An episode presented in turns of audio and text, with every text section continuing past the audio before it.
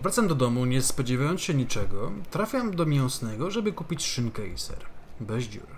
Stoję sobie grzecznie, czekając na swoją kolej. Jedna z pań podających towary kończy obsługiwać klienta, który stał przede mną i pyta, kto następny. Zaczynam, że poproszę to sala i nie kończę, bo słyszę obok siebie 10 deka polędwicy. Stara baba. Stara baba wjebała się bez kolejki i kupuje pierdoloną polędwicę.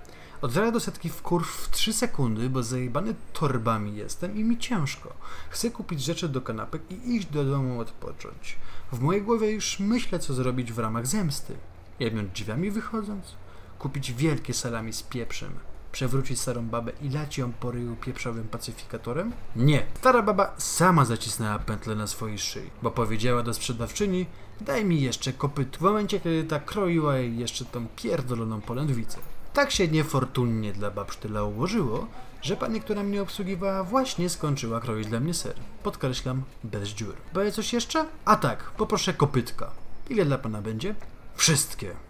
I w tym momencie, jakby starej babie 5 złotych z niedzielnej tacy spadło na podłogę. Czułem, jak mnie nienawidzi. Czułem, jak ją strzela chuj. Bo nie nawpierdala się kobyt, kopytek z jebanymi skwarkami. Będę jadł te kluski z garmażerki następne trzy dni. Ale będą mi smakować zajebiście, bo będę wiedział, że ten element słoniny nie będzie nimi napychał swojego spasionego ryja.